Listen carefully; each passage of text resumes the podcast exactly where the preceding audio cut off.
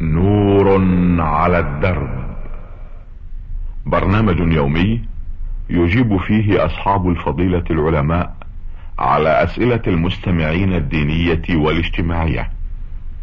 البرنامج من تقديم وتنفيذ سليمان محمد الشبانة.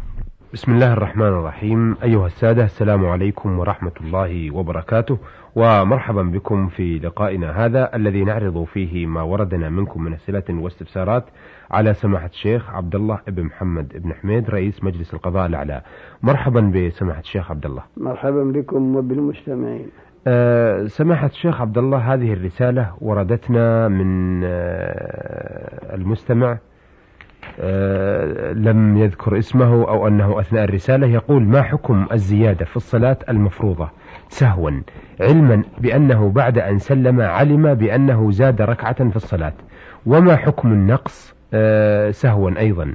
علما بأنه بعد أن سلم علم بأنه نقص في الصلاة هل يجوز له أن يسجد السهو أو يكتفي بما حصل؟ أيها الأخ تقول إذا زاد المصلي في صلاته ركعة ولم ينتبه إلا بعد أن سلم. إن ذكر قريبا فعليه أن يسجد للسهو ولا شيء عليه. أما إذا سلم عن نقص بأن صلى ثلاث ركعات في الرباعية مثلا ولم ينتبه إلا بعد أن سلم وذكر قريبا ولم يطل الفصل فعليه أن يقوم ويأتي بالركعة الرابعة ويسجد للسهو ويسلم ولا شيء عليه. فإذا لم يذكر إلا بعد أن أدى الراتبة. بعد أن أدى الراتبة ذكر أنه لم يصلي إلا ثلاثا أو لم يذكر إلا بعد أن وصل بيته وطال الفصل. فعليه أن يعيد الصلاة من, أو من أولها ولا تصح صلاته. فالحاصل أنه إذا صلى ثلاثة ركعات تاركا لركعة مثلا إن ذكر قريبا جاء بالركعة الرابعة وسجد للسهو وسلم. وإذا طال الفصل ولم يذكر إلا بعد أن طال الفصل أو بعد الراتبة فعليه الإعادة إعادة الصلاة. هذا معنى ما قره أهل العلم من الحنابلة وغيرهم والله أعلم. أيضا يقول السائل ما حكم قراءة الفاتحة في الصلاة بدون بسم الله الرحمن الرحيم؟ تقول ما حكم قراءة الفاتحة في الصلاة بدون ذكر بسم الله الرحمن الرحيم؟ لا بأس. فإن البسملة سنة وليست بواجبة. فلو قرأ سورة الفاتحة ولم يتقدمها ببسم الله الرحمن الرحيم صحت صلاته. إلا أن الأولى أن يقرأها فإن قراءتها من سنن الصلاة ولم تكن من واجباتها ولا من أركانها. آه هذه رسالة وردتنا من آه المستمع عبد الجليل أحمد غالب يسأل فيها يقول إذا كان الرجل مريض وهو في المنزل حقه أو كان في الحبس هل يصح صلاة يوم الجمعة أو العيدين على سماع مكبر الصوت من المسجد أو على سماع الراديو؟ أفتونا بذلكم. جزا جزاكم الله عنا خيرا.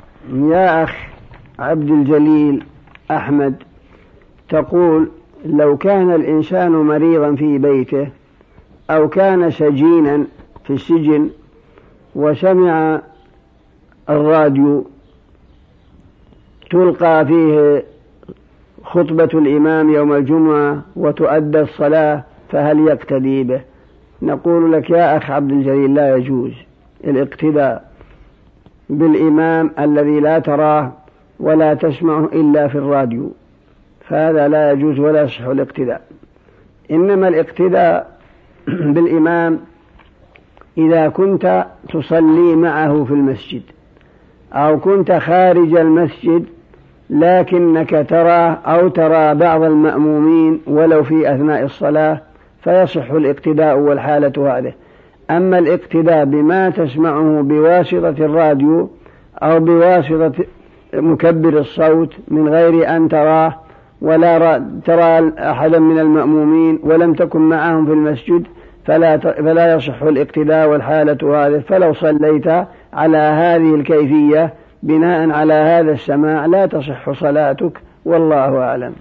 آه، يقول أيضا إذا كان الرجل على وضوء ولمس زوجته أو أخته أو بنته أو أي آه، نساء من محارمه فهل الوضوء يبقى صحيح أم يجب عليه تجديد الوضوء؟ أفتونا بذلكم والسلام عليكم. يا أخ يا أخ عبد الجليل أحمد تقول لو أن الرجل مس امرأة من محارمه وهو على وضوء فهل ينتقض وضوءه؟ نقول لك يا أخ عبد الجليل لا إلا لو مسها لشهوة مباشرة كما لو مس زوجته بأن وضع يده على يدها فلشهوة فهذا ينتقض وضوءه عند الحنابلة. أو وضع يده على يد أحد محارمه من النساء كأخته عن شهوة أو أجنبية منه ينتقض وضوءه. أما إذا لم يكن عن شهوة أو مسها من وراء ثوبها ولو لشهوة ولم يخرج منه شيء فهذا لا ينتقض وضوءه. هذا معنى ما قرره أهل من الحنابلة وغيرهم والله أعلم. آه هذه رسالة وردتنا من رجب حسن خطاب من العراق من نينوى. آه في الحقيقة سؤالها الأول بعث به للبرنامج أشخاص كثيرون. حاولت أن أحصر أكثر رسائلهم في هذه الرسالة. منهم آه على سبيل المثال محمد سالم كثير أو كثير من الإمارات العربية المتحدة وعبد الرحيم محمد من الرياض وشليوي ميم نون من الدوادمي وسليمان مطوع من القصيم وعبد العزيز محمد الغامدي من الدمام وصبري أحمد محمد من دمشق سوريا ومحمود محمد أحمد من جمهورية مصر العربية. آه، كل هؤلاء وكثير غيرهم شاركوا رجب حسن خطاب من العراق في هذا السؤال. يقول إني شاب في سن المراهقة وفي بعض الأحيان أشعر بنزول قطرات من المني وهذا الحال هو في النهار وليس في الليل وإنني لا أدري أأغسل أم أتوضأ وأرجو الجواب وفقكم الله لأنني في حيرة, في حيرة من أمري في ديني. يا أخ رجب حسن الخطاب من نينوى وبقية رفاقه. تسألون عن الرجل ينزل من ذكره قطرات مني فهل يجب عليه الوضوء أم يجب عليه الغسل؟ أم ماذا يعمل؟ نقول لك يا أخ رجب وكافة رفقائك الذين يسألون عن هذه المسألة لا يمكن وقوع نزول المني على هذه الكيفية. فالمني هو الذي يخرج دفقا بلذة. هذا هو المني وهو أبيض. يخرج دفقا بلذة. أما ما ينزل من قطرات من الذكر فهذا ينتقض به الوضوء ولا يوجب الغسل لأنه مذي يخرج عن شهوة ولكن لا يكون دفقا بلذة. فالمني هو الذي يخرج دفقا بلذة. فإذا خرج دفقا بلذة فهذا يوجب الغسل. أما إذا خرج مجرد قطرات من قوة الشهوة فهذا عليه أن يتوضأ وضوءه للصلاة بدون أن يجب عليه غسل. هذا معنى ما قره أهل العلم والله أعلم. آه، السائل رجب حسن خطاب من العراق يقول في هذا السؤال لي جيران لم يصلوا. هل يجوز لي أن أزورهم أو أسلم عليهم مع العلم أن بعض الزوار يأتون إلى بيتنا وأن بعضهم لا يصلي؟ لا أدري ما الذي أفعله معهم وفقكم الله.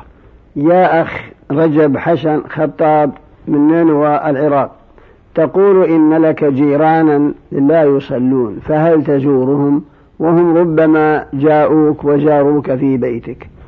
ينبغي أن تناصحهم وأن تتكلم معهم فإن الصلاة أمرها عظيم وشأنها كبير وأول ما ينظر الله من أعمال العبد يوم القيامة ينظر في الصلاة. فالرب جل وعلا لا يقبل من تارك الصلاة لا يقبل منه زكاة ولا صوما ولا حجا ولا جهادا ولا أمرا بمعروف ولا نهيا عن منكر ولا برا بوالديه ولا صلة لرحمه بل جميع أعماله مردودة عليه إذا كان لا يصلي. بل ذهب الإمام أحمد بن حنبل وأهل الحديث إلى أن من ترك الصلاة يقتل على تفصيل مذكور في كتب أهل العلم فإذا قتل لا يغسل. ولا يكفن ولا يصلى عليه ولا يدفن مع المسلمين في مقابرهم ولا يرثه أقاربه المسلمون. هذا معنى ما قرره أهل الحديث ومالوا إليه مستدلين بقوله صلى الله عليه وسلم بين العبد وبين الكفر ترك الصلاة. ولكن ما دام أنهم لا يصلون فينبغي أن تناصحهم. وأن تبين لهم عظم الصلاة وخطورة تاركها وماذا عليه من الإثم فالإنسان لا يدري متى يفجأه الأجل. فإن كانت زيارة عدم زيارتك لهم يرتدعون بها فلا ينبغي أن تزورهم لأنهم لا خير فيهم. ما دام أن النصيحة لا تؤثر فيهم وخشية أن ينتقل جربهم إليك فالإنسان قد يكون سليما صحيحا صحيح الاعتقاد طاهر القلب. لكن بمخالطته لهؤلاء الفسقة نخشى أن ينتقل فسقهم وفسادهم وجربهم إليه. فالأولى عدم المجيء إليهم سلامة لك وسلامة لدينك خشية أن ينتقل جربهم إليك. فالناقة السليمة الصحيحة متى خالطت الجرب فإنها تجرب والله أعلم. آه، أيضا المستمع رجب يعتب علينا يقول أنني أرسلت لكم أكثر من رسالة عن الغيبة هل هي حرام أم حلال ولم تجيبوني عليها. في الحقيقة يا رجب قد يكون سؤالك دخل في أسئلة المستمعين وأجيب ضمن أسئلتهم. يقول أرجو أن تفصلوا لي الغيبة تفصيلا كافيا شافيا ما هي وما حكمها؟ الغيبة يا أخ رجب هي ذكرك أخاك بما يكره وهو أنك تغتابه تتكلم في عرضه وبما بمثالب وبأشياء فلا ينبغي أن تتكلم في حقه بما يسيء إليه وهو غائب. إذا كان صدقا ما تقول فيه فانصحه ولاحظه أما من أنك تتكلم أمام الناس وتتكلم في عرضه بما هو بريء منه أو أنه قد فعل شيئا من ذلك تتكلم على وجه العيب له والذم له فهذا لا ينبغي. بل ناصحه وأرشده ودله على الخير. هذا هو معنى الغيبة وهي ذكرك أخاك بما يكره. سؤاله الأخير يقول هل يجوز السلام على النساء؟ وماذا أفعل إذا سلمت علي امرأة جيراني؟ أسلم عليها أم ماذا؟ يا أخ رجب حسن خطاب من العراق تقول إذا سلمت عليك المرأة من جيرانك فهل تسلم عليها؟ لا بأس سلم عليها لكن مصافحتها بأن تضع يدك في يدها لا يجوز. فإن رسول الله صلى الله عليه وسلم لم تمس يده يد امرأة قط بالكلية. وقد ذكر المفسرون على قوله تعالى يا أيها النبي إذا جاءك المؤمنات يبايعنك على أن لا يشركن بالله شيئا ولا يسرقن الآية فمبايعة النساء للرسول هو بالقول لا أنهن يضعن أيديهن في يده أبدا. بالكلية وإنما بايعنه بالقول. ولهذا قالت عائشة ما مست يد رسول الله صلى الله عليه وسلم يد امرأة قط. وهذا مما لا خلاف فيه بين أهل العلم. وبعض من أهل العلم. قال في مبايعة النساء للرسول أنها تلف يدها في خرقة وتبايعه. وقيل إنه يضع يده في ماء بإناء ثم يضعن أيديهن ولكن كل هذا لا يصح.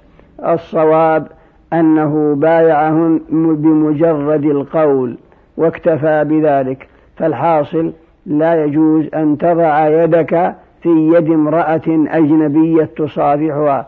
أما مجرد السلام عن بعد فهذا لا بأس به لأن صوت المرأة ليس بعورة إلا إن تلذذ به الرجل فإن تلذذ به فيكون حراما. وإذا لم يتلذذ به بل مجرد سماع صوتها وسلامها عليه من غير تلذذ فهذا لا بأس به. فنساء الصحابة يأتين النبي صلى الله عليه وسلم ويسألنه عن مشاكلهن. امرأة بن مسعود جاءت إلى الرسول قالت يا رسول الله إنك أمرت اليوم بالصدقة وإن عندي حليا لي. فأردت أن أتصدق به وزعم ابن مسعود أنه وولده أحق من تصدقت به عليهم فقال صدق ابن مسعود. والأخرى تسأله عن الحيض والأخرى, والأخرى تسأله عن الغسل إذا احتلمت المرأة. قال نعم إذا هي رأت الماء. فالحاصل أن مجرد سماع صوت المرأة ليس بعورة إلا إذا كان يتلذذ به. يعني أن السامع يتلذذ به. أما مصافعة الرجل للمرأة الأجنبية بأن يضع يده في يدها هذا لا يجوز. وما مست يد رسول الله صلى الله عليه وسلم يد امرأة قط والله أعلم. آه هذه الرسالة وردتنا يعني يد امرأة قط أجنبية نعم, نعم. آه هذه الرسالة وردتنا من خالد عياد وأخوانه من الأردن. يقول في سؤاله عن صلاة القصر في السفر هل يجوز لي القصر في صلاة السفر لو سافرت بين مدينة وأخرى بحيث تبعد ثمانين كيلو مترا؟ علما أنني سوف أعود في نفس اليوم. يا أخ خالد عيد من الأردن. تقول هل يجوز قصر الصلاة فيما لو سافرت من بلد إلى بلد وهي تبعد عن البلد ثمانين كيلو وأنك ترجع في يومك؟ هذه المسألة فيها خلاف بين أهل العلم. الحنابلة ومن وافقهم يرون جواز ذلك وشيخ الإسلام ابن تيمية وكثير من العلماء لا يرون جواز القصر ما دام أنه لم يحمل معه زادا ولا ماء ولا أهبة السفر. فالأولى عدم القصر في مثل هذه الحالة ما دام أنك لم تحمل ماء ولا زادا ولا ما هو يحمله المسافرون عادة وأنك ترجع في يومك. فهذا لا يسمى سفرا كما ذهب إليه ابن تيمية وغيره والله أعلم. أثابكم الله. أيها السادة إلى هنا نأتي إلى نهاية لقائنا هذا الذي عرضنا فيه رسائل السادة. مستمع لم يذكر اسمه ويسأل عن الزيادة والنقص في الصلاة. وعبد الجليل أحمد غالب آه، ورجب حسن خطاب من العراق نينوى ومن معه من المستمعين وخالد عياد وإخوانه من عمان الأردن. عرضنا هذه الأسئلة والاستفسارات التي وردت في رسائلهم على سماحة الشيخ عبد الله بن محمد بن حميد رئيس مجلس القضاء الأعلى. شكرا لسماحة الشيخ عبد الله وشكرا لكم أيها السادة وإلى أن نلتقي بحضراتكم نستودعكم الله والسلام عليكم ورحمة الله وبركاته. نور على الدرب برنامج يومي يجيب فيه أصحاب الفضيلة العلماء على أسئلة المستمعين الدينية والاجتماعية. البرنامج من تقديم وتنفيذ سليمان محمد الشبانة.